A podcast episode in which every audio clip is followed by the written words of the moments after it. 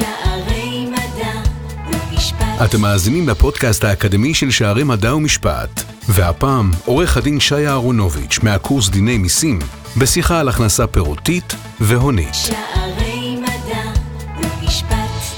טוב, אז בוקר טוב, צהריים טובים, ערב טוב, לילה טוב, כל אחד מתי שהוא שומע בוחר לשמוע את הפודקאסט הזה. שמי שי אהרונוביץ', ואני אה, מלמד את הקורס בדיני מיסים בפקולטה למשפטים, והיום בעצם אנחנו נדבר על הסוגיה של מה זאת הכנסה הונית לעומת הכנסה פירותית, כן? מאיפה זה בא, מה המבחנים וכולי. אה, והיום למעשה אנחנו נדבר על הסוגיה של מהי הכנסה הונית לעומת הכנסה פירותית. זאת אומרת על הסיווג של הכנסה הונית לעומת פירותית, למה היא קיימת, מה היא ומה המבחנים שבתי המשפט אה, יישמו אה, בסוגיה הזאת. נתחיל בעצם עם ה... איך אנחנו מגיעים לשאלת ה... האם, זאת... האם מדובר בהכנסה הונית או פירותית. זאת אומרת, איך אנחנו בכלל מגיעים לשם. אז כפי שדיברנו, כן, ואנחנו יודעים, ראשית, יש שאלה האם סכום הכסף שקיב... שהנישום קיבל, זה יכול להיות לא רק סכום כסף, זה יכול להיות בשווה כסף וכולי, האם מדובר אצלו בהתעשרות? כן, אני מזכיר לכולנו שאם נכנס לי מיליון שקל לבנק, זה עדיין לא אומר שהתעשרתי, כי אם המיליון שקל שנכנסו לי לבנק, לחשבון בנק, זה מיליון שקל שלקחתי אותם כהלוואה, אז אני לא, אני לא התעשרתי כי אני צריך להחזיר את זה למישהו. אז קודם כל תמיד יש את השאלה האם הסכום כסף, לרוב זה סכום כסף, זה יכול להיות גם בשווה כסף וכולי, האם מדובר בהתעשרות? לא תמיד שאלה ראשונה ובסיסית. אם הגענו למסקנה שמדובר בהתעשרות, השאלה השנייה שבאה בתור, כן, השאלה השנייה שבאה בתור, זה האם זאת התעשרות שהמחוקק אמר, אני לא רוצה למסות אותה.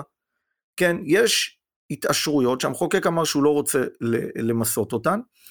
גם על כך יצא לנו לדבר, ואמרנו שלמעשה ההתעשרות אפשר להגיד, היחידה שהיום נמצאת בצורה מובהקת, שהמחוקק אמר, אני לא רוצה למסות אותה, זה התעשרות כתוצאה מירושה. זאת אומרת, אדם שיורש נכסים, יורש כסף וכולי, לא משלם בנקודת הזמן הזאת, בנקודת הזמן של הפטירה של המוריש, הוא לא משלם מס על מה שהוא מקבל ממנו.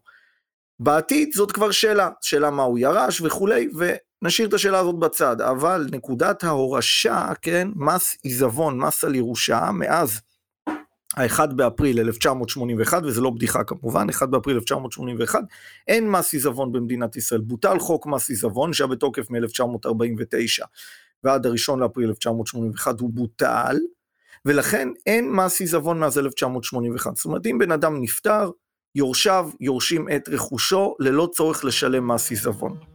ללא צורך, ללא, ללא צורך בתשלום מס עיזבון, אוקיי?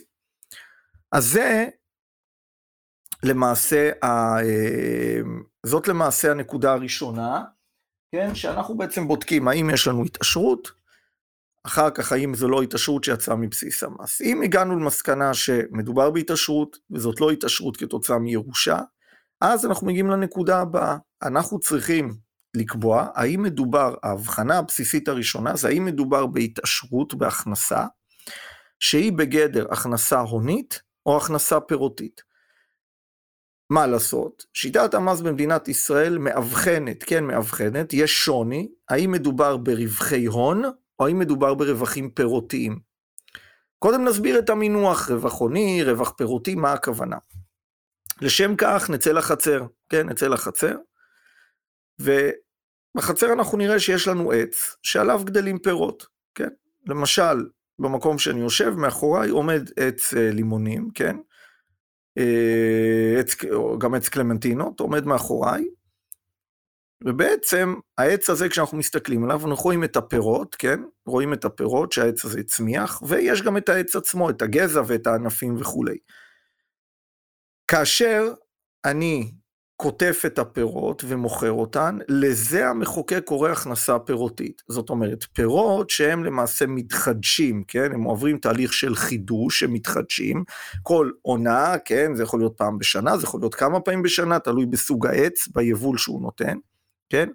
אז אם מדובר ב... אה, אה, בפירות שצומחים על העץ ובעצם כל פעם הם, כל עונה הם פורחים, הם צומחים, קוטפים אותם, ולאחר מכן נצמח שם פירות חדשים.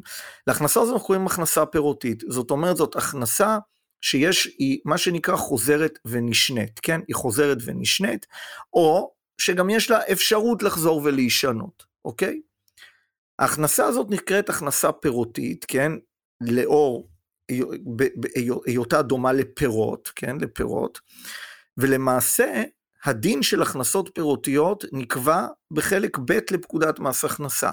זאת אומרת, חלק ב' לפקודת מס הכנסה, שדיברנו עליו ארוכות במהלך הסמסטר, מדבר על הכנסות, על, על הכנסות פירותיות. אני מזכיר לכם, למשל, הכנסה מעסק, כן? יש לי עסק, יש לי חנות בגדים, החנות בגדים מניבה לי כל חודש הכנסות, בסופו של דבר גם רווחים. הרווחים האלה זה הכנסות פירותיות, כן? יש לי דירה, אני משכיר אותה, אני מקבל דמי שכירות כל חודש, כן? לא משנה, תלוי בחוזה שיש לי עם הסוחר, אבל אני מקבל דמי שכירות קבועים, הדמי שכירות האלה הם פירותיים, אוקיי? אלה הכנסות פירותיות, גם דיבידנד, כן? יש לי מניה, המניה מפיקה לי, אני בתור בעל המניות מקבל דיבידנד, כן? הדיבידנד זה פרי. אז יש לנו את ההכנסות הפירותיות והן דומות לפירות שצומחים על העץ. אבל מה לגבי הגזע עצמו? כן, הגזע, האדמה שהגזע עומד עליה, כן, הגזע עצמו, סליחה, הענפים שלו וכולי, מה לגביהם?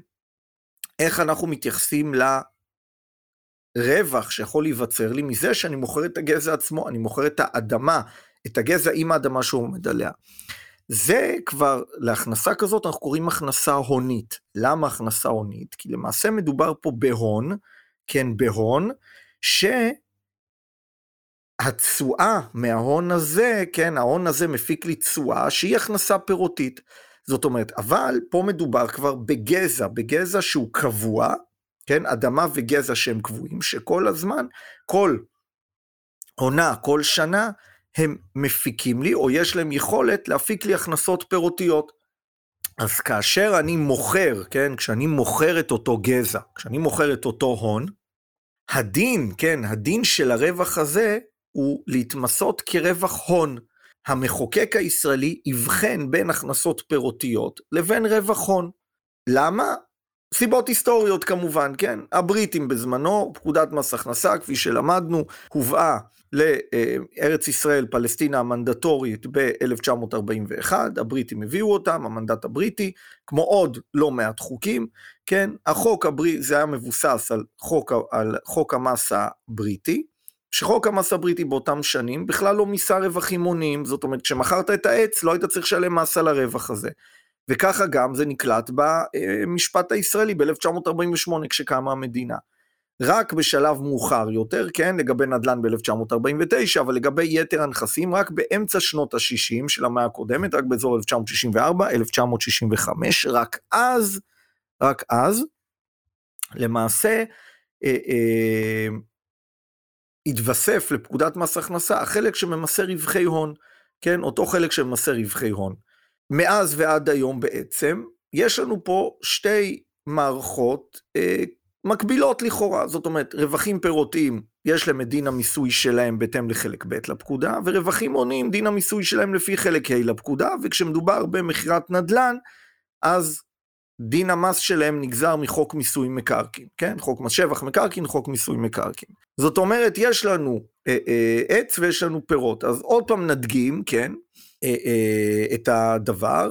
אה, רכשתי לפני מספר אה, חודשים מניה בבורסה, כן? רכשתי מניה של חברת גוגל בבורסה, בסדר? מותר, נכון? רכשתי מניה. החברה החליטה בתחילת 2022 לחלק דיבידנד, אוקיי? אז הדיבידנד, היות ואני בעל מניות, אני זכאי לדיבידנד, אז הדיבידנד שאני מקבל זה כבר הכנסה פירותית. למה? כי בעצם העץ, יש לי עץ, שזה המניה. המניה בעצם יכולה להפיק לי פירות. איזה פירות עץ שמסוג מניה מצמיח? דיבידנד. אוקיי? בעל המניות מקבל דיבידנד. אז הדיבידנד הוא פרי, הוא פרי, ולכן המיסוי שלו הוא לפי חלק ב', במקרה הספציפי של דיבידנד זה לפי סעיף 2-4. לפקודת מס הכנסה. אבל נניח שעוד מספר שבועות אני אחליט, או מספר חודשים, אני אחליט למכור את המניה. אני אמכור את המניה, נניח רכשתי אותה בסכום שווה ערך לאלף שקל, ואני אמכור אותה כשכבר המניה שווה שלושת אלפים שקל, אוקיי? זאת אומרת, יהיה לי פה רווח של אלפיים שקלים. האלפיים שקלים האלה, כעיקרון, זה רווח הוני. נכון, נכון, שיש מקרים שבהם, אם אני למשל, העיסוק היומיומי שלי, בין אם העיסוק המרכזי, בין אם עיסוק משני, הוא לשחק כל היום במניות בבורסה. זאת אומרת, לקנות, למכור, לקנות, למכור. יכול להיות שאצלי כבר הרווחים מהעיסוק בבורסה כבר הופכים להיות רווחים פירותיים.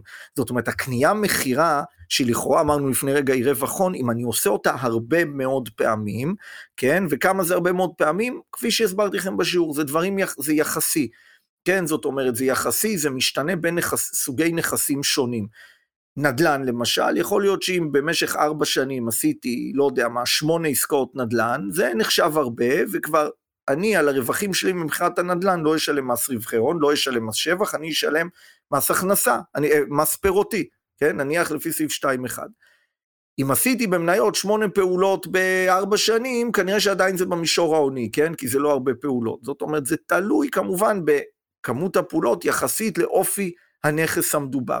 בשביל שיראו בפעילות במניות כ, אה, כ, כרווחים פירותיים, כן, אנחנו כבר מדברים בעצם על איזושהי אה, אה, פעילות יותר אינטנסיבית משמונה פעמים בארבע שנים למשל, כן, אנחנו מדברים על פעילות שאמורה להגיע ל, ל, לעשרות לפחות, לעשרות עסקאות בחודש נניח, כן, או משהו כזה, ו, אה, אה, ולכן זה משתנה כמובן אה, ממקרה למקרה, מנכס לנכס. בכל מקרה, לרוב החזקת מניה, המניה היא הונית, וה, והפירות שהיא מניבה לי זה הדיבידנד, כן?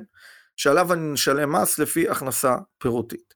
עוד דוגמה, כן, עוד דוגמה, נדל"ן, כן, אני רכשתי, יש לי דירה, שאני אה, לא גר בה, אלא אני משכיר אותה, כן? אז כמו שאמרנו, דמי השכירות הם הכנסה פירותית, כן? לרוב לפי סעיף 2.6, סעיף 2.6 לפקודת, אה, לפקודת מס הכנסה, שהוא סעיף שמטיל מס על הכנסות מהשכרת מקרקעין. וכשיום אחד אני מוכר את הדירה, אני משלם מס רווח הון, כן, אני משלם מס רווח הון, כעיקרון מס שבח, כן, מס שבח, אני מזכיר לכם, זה מס רווח הון כאשר מדובר במכירת נדל"ן. אוקיי? אז עוד פעם, העץ שהוא הדירה, כשאני מוכר אותה יום אחד על הרווח ממכירתה, אני משלם מס רווח הון, מס שבח בגלל שמדובר בנדל"ן, ואילו אם מדובר ב... אה, אה, אם מדובר בדמי השכירות, עליהם אני משלם מס פירותי, כן, הכנסה לפי סעיף 2.6, אוקיי?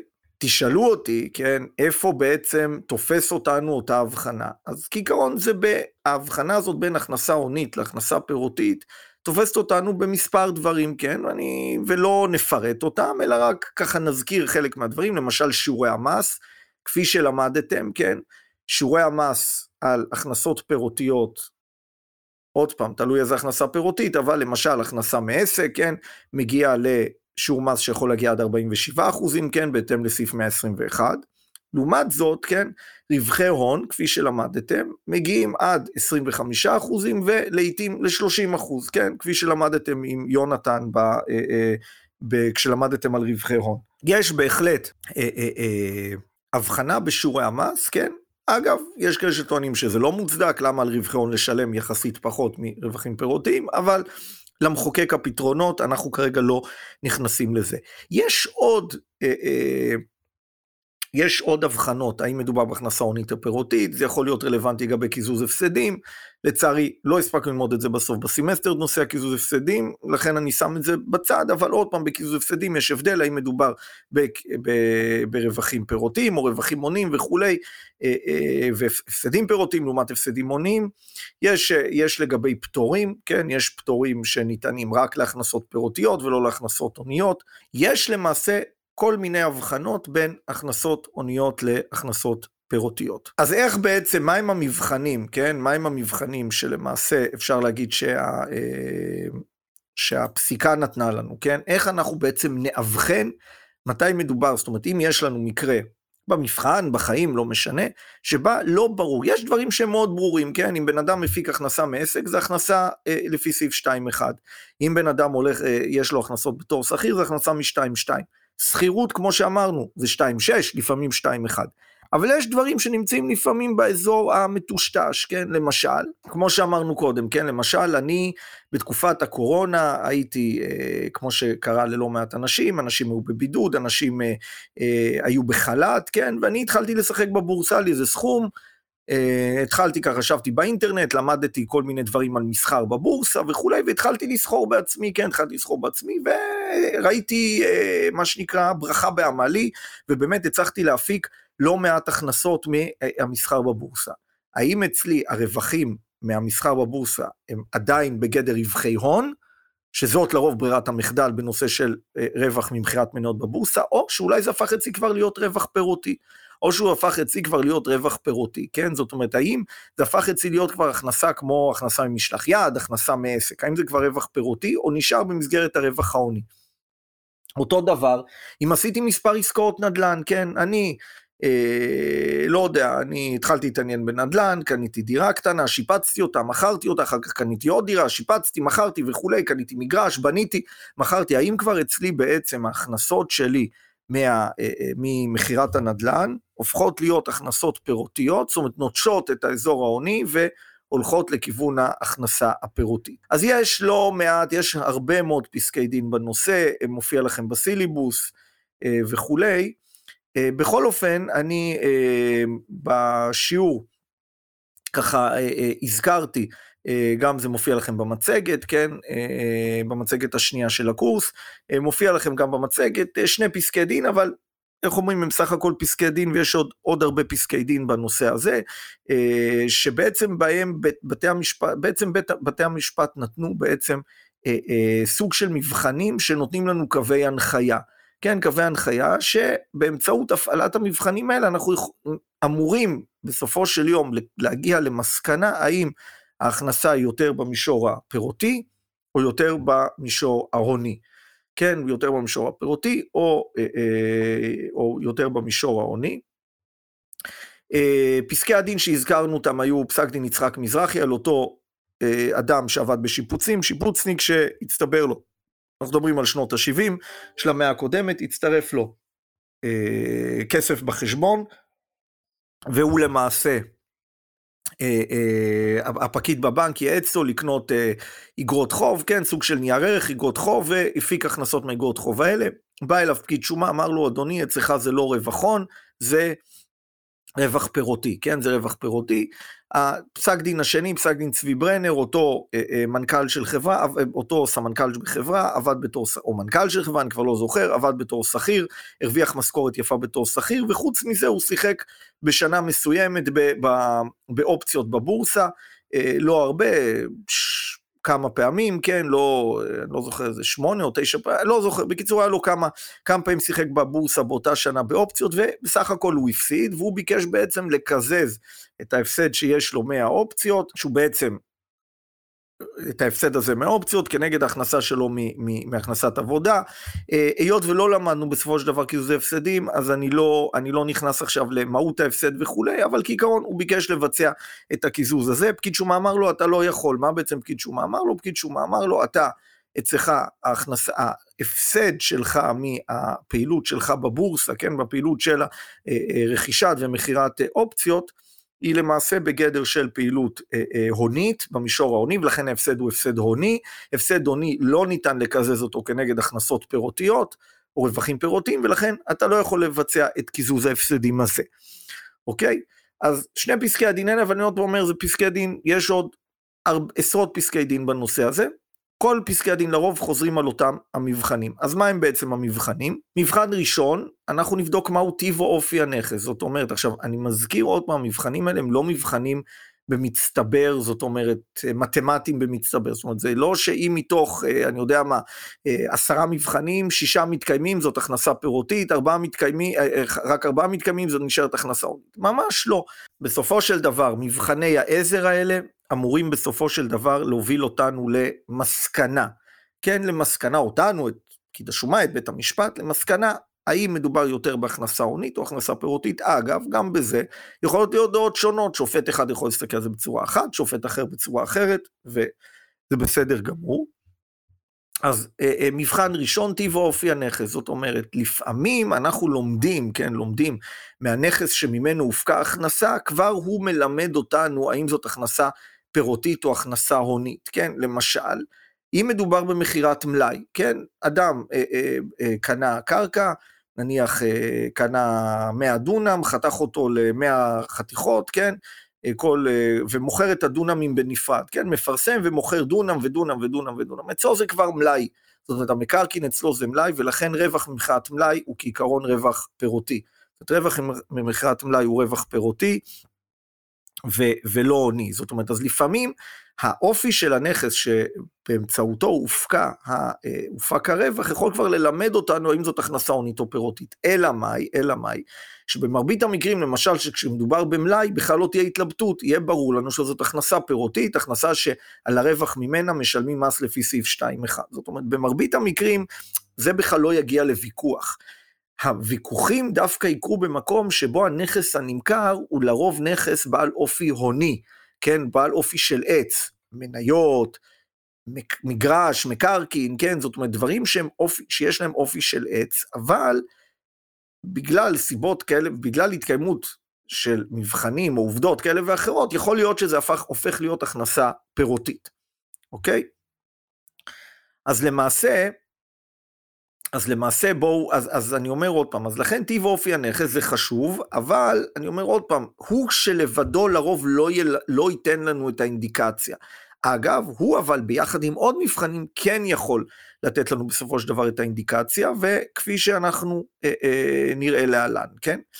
המבחן השני, מבחן הבקיאות או המומחיות. אגב, אני אגיד, זה אני בעצם כשאני אה, מדבר איתכם, אני מסתכל על המצגת שהעברתי לכם, לכן כשאתם שומעים את הפודקאסט, אתם יכולים להסתכל במצגת ותראו את זה גם במצגת, כן? זה מצגת, אה, מספר, המצגת השנייה לדעתי שהעליתי לכם, שנותנת שם את ההבחנות בין, בין הכנסה הונית להכנסה פירותית. אז מבחן השני, מבחן הבקיאות או המומחיות.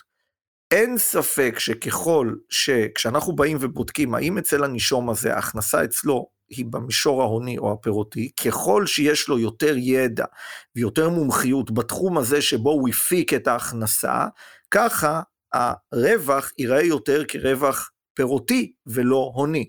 כן, מה הכוונה? למשל, אם לי יש אה, ידע בשוק ההון, כן, ידע בשוק ההון, ידע במסחר במניות בבורסה וכולי, ואני סוחר בכסף שלי בבורסה, ככל שהידע שלי יותר גדול, כך, ביחד כמובן עם עוד מבחנים, אבל כך זה יוכל ללמד יותר על כך שמדובר בתחום, ברווח שהוא רווח פירותי.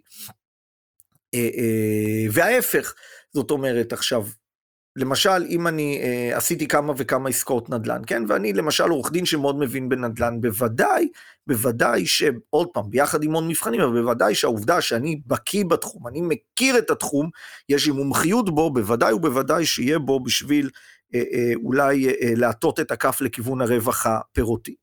צריך לשים לב, כן, שהפסיקה בפסק דין מזרחי אמרה שגם אם המומחיות היא לא של הנישום עצמו, אלא המומחיות היא מה שנקרא מומחיות שילוחית, ייתכן לראות בכך כעדיין כהמבחן הזה שהוא מתקיים, זאת אומרת, גם כשהמומחיות היא לא של הנישום עצמו, אלא הוא נעזר במומחיות של מישהו אחר, עדיין המבחן הזה מתקיים. אני אמרתי לכם גם בשיעור, ואני אגיד לכם גם עכשיו, אני קצת סקפטי לגבי המבחן הזה, כי אם המבחן הזה היינו אה, מיישמים אותו כל הזמן, אז כל מי ששם כסף אצל ברוקר אצל יועץ השקעות, ואותו יועץ השקעות משקיע עבורו את הכסף, היינו אומרים לו זה הכנסה פירותית אצלך, נדבר על, המשק... על זה ששם את הכסף. וברור שברוב המקרים זה לא קורה. ולכן מומחיות שילוחית, הפסיקה אמרה שאפשר בהחלט אה, אה, לראות בה גם כמקיימת את מבחן הבקיאות. אבל אני אומר עוד פעם, צריך להתייחס בזהירות למבחן הזה, ובמרבית המקרים האמת שאם המומחיות היא לא של הנישום עצמו, המבחן הזה לא, לא יתקיים, כן? המבחן השלישי, אה, מבחן המימון, כן, מבחן המימון. אה, אמרתי, המבחן הזה יש בו איזושהי בעייתיות, כן, המבחן בעצם, מבחן המימון, בתי המשפט אמרו שאנחנו אה, נבדוק, נבדוק האם הנכס נרכש מהון עצמי או בהון זר, כן, בהלוואות. אם הוא נרכש בהון זר, אולי זה יראה לנו שמדובר בו בהכנסה עסקית. אז לזה אני אומר, את זה צריך לחדד את המבחן הזה.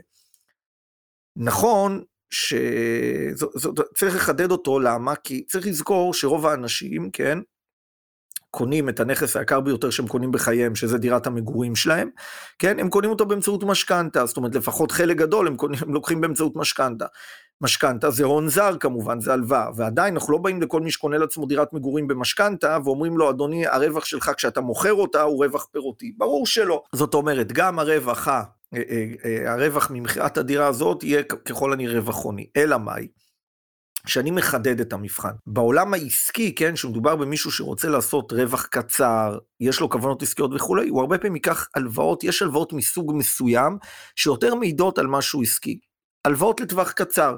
זאת אומרת, אם אני באמת ראיתי איזשהו מגרש, ואני אומר לעצמי, תקשיב, שי, אולי אתה יכול, בוא, זה מגרש, אפשר להקים פה משהו, אפשר להקים פה בניין, למכור מהר וכולי, אז יכול להיות שאני אגיד, אני עכשיו לא הולך לקחת, היות ואני יודע שאני רוצה לעשות מה שנקרא, לקנות את המגרש, לבנות עליו, ותוך כמה שנים לא הרבה שנים למכור, אז אני רוצה מה שנקרא לעשות אקזיט מהיר, ואז אני הולך ולוקח מלכתחילה הלוואה שיש לה אופי קצר יותר, זאת אומרת הלוואה לטווח קצר, אני לא הולך ולוקח משכנתה ל-30 שנה, אני הולך ולוקח עכשיו הלוואה לחמש שנים.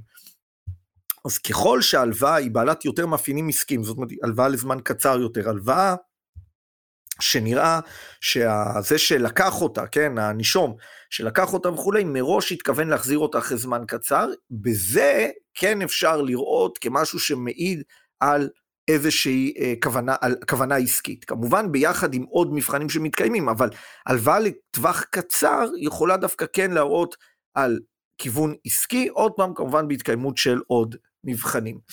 מבחן רביעי, מבחן תקופת ההחזקה בנכס. זה מבחן מאוד חשוב, אבל הוא תלוי כמובן באיזה נכס מדובר. ככל שבעצם המבחן אומר, זאת אומרת המבחן אומר בוא נבדוק בעצם את זמן ההחזקה לנכס יחסית לרווח שאנחנו מפיקים מההחזקה שלו.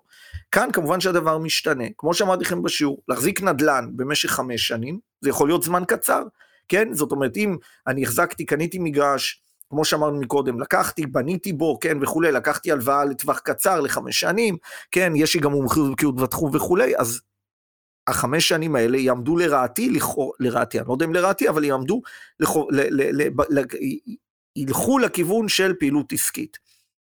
מצד שני, להחזיק מניות חמש שנים זו תקופה שקשה לראות בהחזקת המניות הזאת פעילות אה, פירותית. זאת אומרת, בסופו של יום, כן, תמיד השאלה היא מהו, מהו סוג הנכס. אז להחזיק נדל"ן חמש שנים ואפילו עשר שנים, במקרים קיצוניים, יכול עדיין לחשב שזה נחשב כפעילות עסקית, הרווח שאתה אתה, אתה מפיק מהמכירה שלהם. אבל להחזיק מניות, למשל חודש, כן, להחזיק מניה בבורסה חודש, יכול להיות שיעיד דווקא על פעילות הונית, זאת אומרת, להחזיק חודש מניה בבורסה נחשב יחסית הרבה. לכן אני אומר עוד פעם, מבחן תקופת החזקה בנכס הוא, הוא חשוב, אבל הוא צריך תמיד לבוא ביחד על איזה נכס מדובר. המבחן החמישי, מבחן היקף ההשקעה, לכאורה ככל שהשקעה כספית גבוהה יותר, כך ירמז מדובר פעילות עסקית. אני לא אוהב את המבחן הזה, כי זה מבחן שהוא לדעתי לא נכון והוא לא רלוונטי. זאת אומרת, כל הנושא של ההשקעה הוא, הוא שאלה יחסית.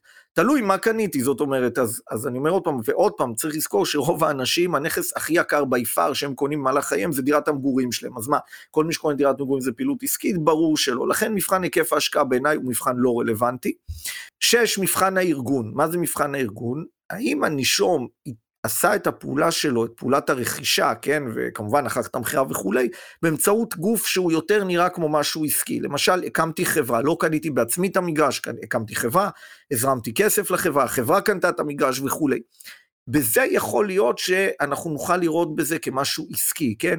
נניח אני עם עוד שני חברים, רצינו להשקיע במשהו, הקמנו חברה לצורך העניין וכולי, שותפות, בקיצור, יכול להיות שהתארגנות בפן יותר עסקי, ולא שאני קונה אישית את הנכס, יכולה כן להראות פה על כוונה עסקית, אבל, אבל שימו לב, זה לא אומר שאם אני קניתי באופן ישיר, אוטומטית אני יוצא מהמגרש של הפירותי ונשאר במגרש העוני. ממש לא.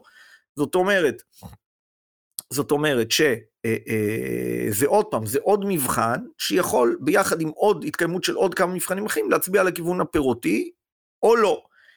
אה, אבל עדיין יכול להיות שאני לא אתארגן בצורה מיוחדת, אני אקנה בעצמי, ועדיין, אם מתקיימים עוד מבחנים, יראו בזה כפעילות פירותית ולא הונית. מבחן 7, מבחן ז', מבחן מאוד חשוב, מבחן ההשבחה. זאת אומרת, ככל שאני יותר השקעתי בכך שהנכס מחירו יעלה, כן, ערכו יעלה ואני אפיק רווח יותר גבוה, ככה זה יותר נראה שמדובר פה בפעילות עסקית. פעילות פירותית. זה מאפיין בעיקר שאלות לגבי האם רווח ממכירת נדל"ן הוא רווח הוני או רווח פירותי. זאת אומרת, זה, זה יותר חשוב בנדל"ן.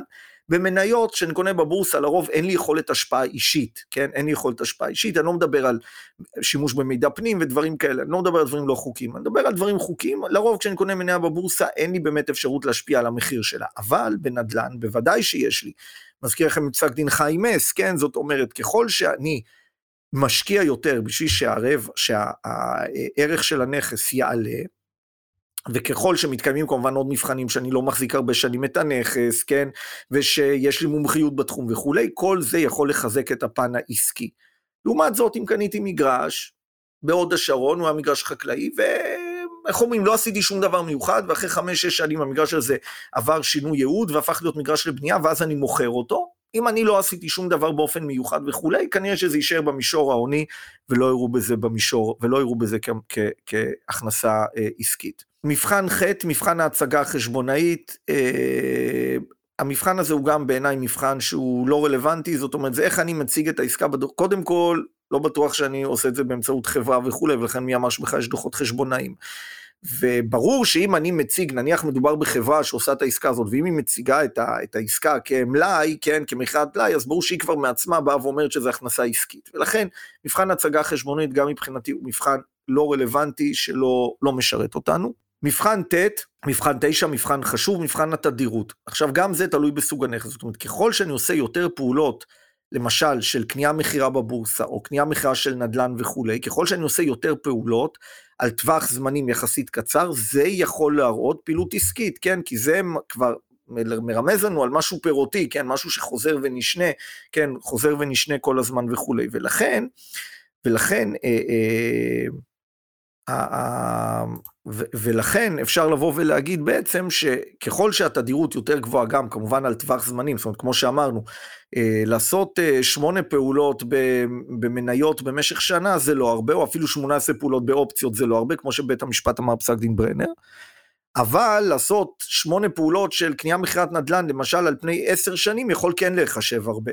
אוקיי? זאת אומרת, זה מבחן התדירות מאוד תלוי גם בסוג הנכס, כן? מבחן התדירות תלוי בסוג הנכס. אז מבחן תדירות הוא מבחן, אה, אה, הוא מבחן חשוב, אבל כאן אני רוצה אה, לתת נקודה, שעדיין, גם אם מבחן התדירות לא מתקיים, ועשיתי עסקה חד פעמית, עדיין זה לא אומר שזה הולך למישור ההוני. כאן אני מזכיר לכם את הנושא של עסקת אקראי בעלת אופי מסחרי, כן? אני מזכיר לכם שבסיפא של סעיף 2.1 יש אפשרות שיראו כהכנסה לפי סעיף, סעיף 2.1 גם הכנסה מעסקת אקראי בעלת אופי מסחרי. דיברנו מה עסקת אקראי בעלת אופי מסחרי, כן? במצגת שיש על סעיף 2.1, על הכנסה מעסק, אז כעיקרון, עסקת אקראי בעלת אופי מסחרי היא עסקה שהיא חד פעמית, זאת אומרת היא חד פעמית, ולכן אין בה תדירות, ולמרות זאת, אם מתקיימים שם מבחנים אחרים, כן, מהמבחנים האחרים שדיברנו עליהם, או חלקם לפחות, יכול להיות עדיין שיראו ברווח כרווח פירותי. עוד פעם, שולח אתכם לפסק דין חיים מס שעליו דיברנו בשיעור.